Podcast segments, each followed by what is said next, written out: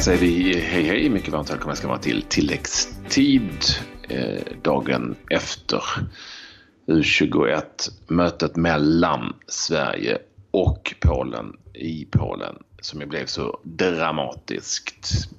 Men det såg inte du Clabbe där du satt på solstolen i Thailand? Nej, den eh, visade sig inte här eh, nattetid. Jag har till och med försökt få tag i Confederations Cup, men det går inget eh, vidare det heller. Men det vad jag förstått och läst mig till återigen en dramatisk match med en straff som Ja, det gick inte vägen Sverige förra gången och det gick inte vägen den här gången heller. Ehm, så ganska prekärt läge nu. Men du som har sett matchen kan väl göra en kort sammanfattning för oss? Eh, ja, jag har ju rasat också. Eh, till och med i, i tidningarna. Ja, jag har rasat. Eh, för att jag tycker ibland att det blir så här lite smått patetiskt att man alltid ska gnälla på domaren över allt, allt, allt, allt, allt, allt. För att man har olika åsikter om ett eller annat domslut. Men den här liraren som eh, Sverige och Polen hade var nog eh, den, åtminstone den domare med sämst speluppfattning som jag någonsin har sett på internationell nivå. Oj! Det var verkligen, ja, men alltså det, det var verkligen sådär eh, så att man bara satt och blev irriterad. Vi ska, vi ska först och främst säga straffen som Filip Dagostål drog på sig på övertid var straff, klumpigt agerande tycker jag av Filip i det läget. Han drog honom i armen eh, och det var eh, en stor risk och det var ju också straff när man ser repriserna som den eh, slovenske domaren Slavko Vincic stod rätt placerad och tog.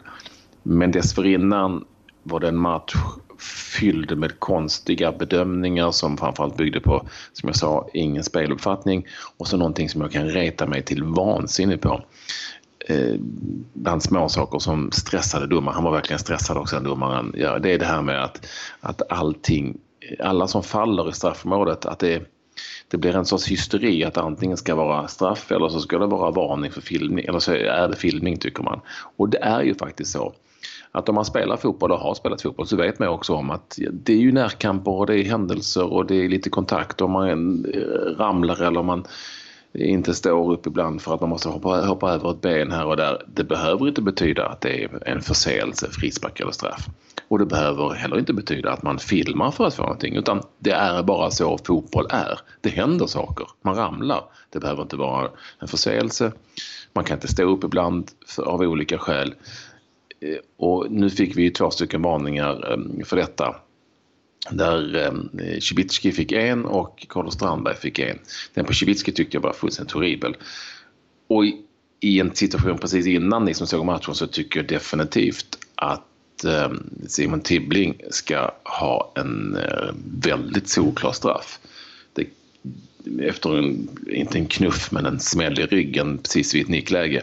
Och nu är det ju så också att om man då kan sin Tibbling, det, det kan vi ju inte kräva att domaren ska göra så vet han ju om att Tibbling vet ju inte vad film är för någonting. Nej, det, det, det, det, ligger inte riktigt i hans natur. Det kan vi, kan vi lugnt konstatera.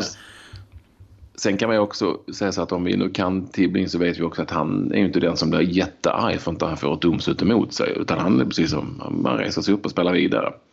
Så att det var liksom ingen reaktion direkt från honom på samma sätt. Men det var en väldigt konstig bedömning. Och då kan man då vända på det och säga att alright, om det nu inte var straff om du friade. Var det filmning då? Ja, ja nej, det blir så konstigt. Alltså, eh, ja, det låter inte som att han riktigt har haft det här eh, matchen under kontroll. Han kanske liksom inte riktigt var mogen för den uppgiften eh, tydligen. Spel, spelmässigt, spelmässigt då, var det ett rättvist resultat? Mm, alltså etappen av matcherna får skylla sig självt. Alltså det var ju en, en ganska darrig start från Sverige men, men eh, de kom tillbaka och liksom dominerade matchen. Väldigt fina... Eh, väldigt, alltså det här är ett lag som kan spela mot en, mot en parkerad buss faktiskt ganska bra. För de har den typen av spelare med, med Olsson, Fransson, Hallberg, Tibbling på mittfältet till exempel. De kan ju liksom spela runt och nu var Carlos Strandberg med också som, en, som det monster han kan vara också. Du vet, han bara flyttar på folk och spelar. och, så, så jag tycker definitivt att eh, Sverige var eh, väldigt nära en seger den här matchen. Ja, det visar sig resultatet då, i resultatet också. Men eh, så de gjorde det bra. Men som du vet det kan bli när det är tio minuter kvar och man blir försiktig och försvarar sin ledning och så, så, så kunde då polackerna sticka upp men inte med särskilt mycket. Det var, en klump, ett klumpigt agerande av Filip Dagerstål som var med oss här i tilläggstid eh, i, i straffsituationen. Där får han och Sverige skylla sig lite själva för att det blev 2-2. Så ähm, jag avskyr att prata om rättvist för det fotboll är aldrig rättvist utan resultatet står. Mm. Det, det, är svårt att veta om det kunde ha blivit, um, om hur det, hur det egentligen skulle sluta. Vi hade några väldigt bra lägen för att Eh, avgöra den här matchen dessutom. Så att, eh, jag anser att Sverige får skylla sig själva som tappade poäng i den här matchen helt enkelt. Eh, så är det. Men, men ja, det, det, det är ju ett annorlunda u landslag det vet vi också än det vi hade för två år sedan, även om vi hela tiden ska hålla på och jämföra. Det, det, det är ett väldigt annorlunda lag. Ja, men eh, ja, det är ju ett svårt läge nu att eh, knipa den här eh, eh gruppsegern. För det är väl det som är egentligen enda chansen, om jag har förstått saken rätt, om vi tittar på hur det gått i de andra grupperna. England vann ju sin match, så att eh, vinst krävs i sista matchen, samtidigt som att eh, då England inte ska eh, besegra Polen. är väl de förutsättningar som finns. Kan ja. man ändå Ja, vi kan mm. väl ändå hoppas. Jag, jag tror lite så här att um, polackerna på hemmaplan mot England är en stor match för Polen. Oavsett, nu är ju inte Polen helt, helt borta. De har faktiskt en liten, liten möjlighet att ta sig vidare.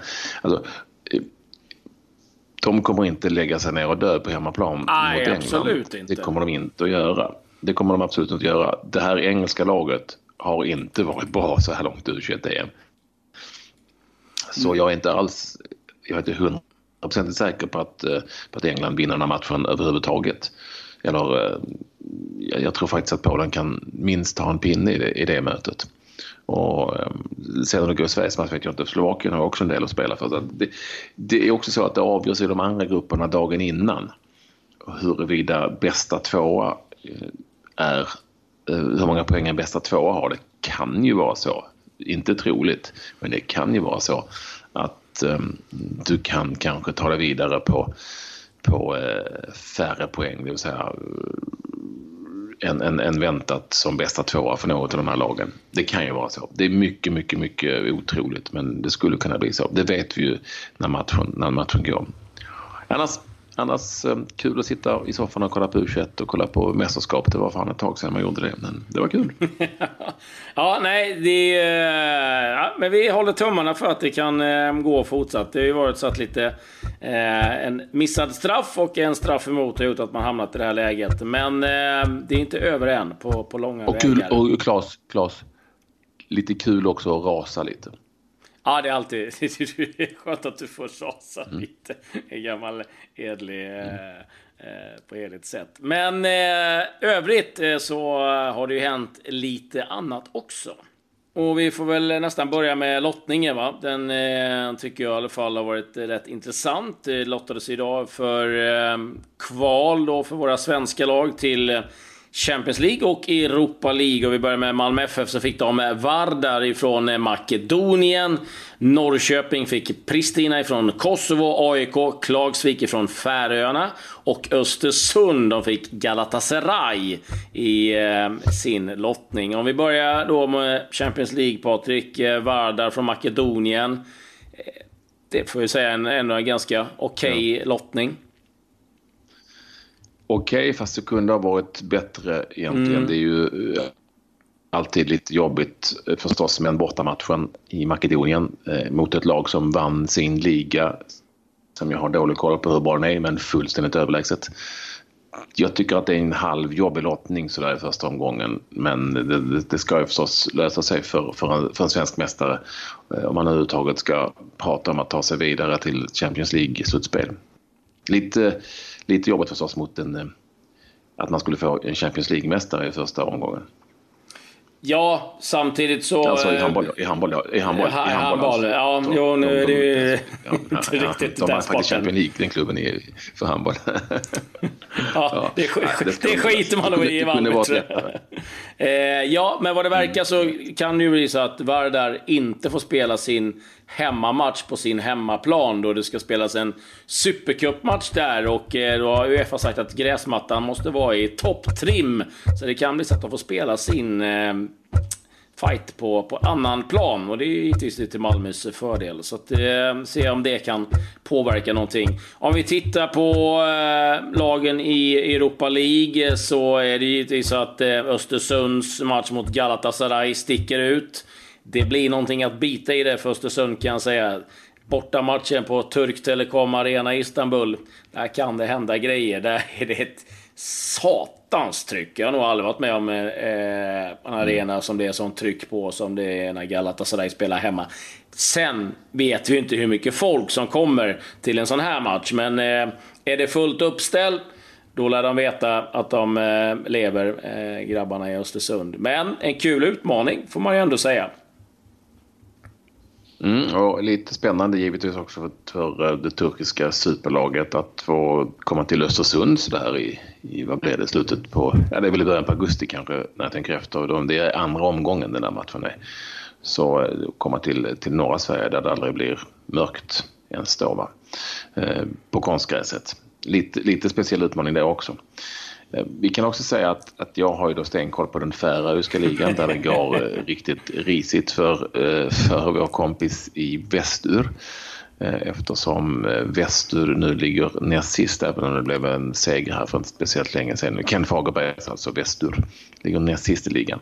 Men eh, laget som AIK ska möta, Klaxvik, eh, är tvåa i ligan på samma poäng som ledaren Viking ur. Ett gäng med en holländare, två stycken serber och en dansk. Lite blandning. Övrigt är det då eh, färöiska spelare, men de fick ju däng så det visslade om det mot B36 här senast på hemmaplan. Injektor Arena i Klagsvik. 5-1 till Fotbollsfelagid B36 från Torshamn som normalt är ett av de bättre lagen på Färöarna. Det hör jag kan ju det. Så att, ja, det blev ju en rolig resa för AIK-fans som gärna följer sitt lag och åker hela vägen till Färöarna. Eh, om ni vill ha tips, ta ja. med kläder. ja. Det är gott, det är ett bra tips. Eh, ja, och... Sen vet jag inte jag hur bra koll du har på bosniska ligan. Ja, den eh, är inte eh, up to date kan jag säga. Det blir väl eh, en match som man ändå kan kräva att Norrköping ska ska fixa. Så att, ja, vi hoppas att man tar sig förbi de här rundorna. Viktigt att samla på sig alla de här poängen som det någonsin går för att eh, få bättre och bättre lottningar framöver. Men det får vi återkomma till våra lag då som kvalar till Europa. I eh, övrigt så eh, är det väl snackas mest om är väl att eh, Marcus Berg kan vara på väg att lämna Grekland och Panathinaikos. Al-Alin är väl en klubbadress som nämns ifrån Förenade Arabemiraten. Al-Alin, eller vad heter de? Al-Alin. Ja, det är ju dina trakter. Nej, Al... Ja, jag har varit där. Al-Ain. Ain. Alltså Ain. A-I-N. Okej. Okay. Al-Ain. Mm. många, många lag heter ju Al före så, men Ain in heter de bara. Jag har varit där, det var under U17-VM. Det var ganska fint, jag har för mig. Och eh, ett bra lag kom tvåa i Champions League, asiatiska Champions League förra året. Så det är ju ett riktigt bra lag, skulle jag säga, som ofta har satsat hårt och mycket för att det finns cash. Så det är ju en intressant utmaning förstås för eh, Marcus Berg.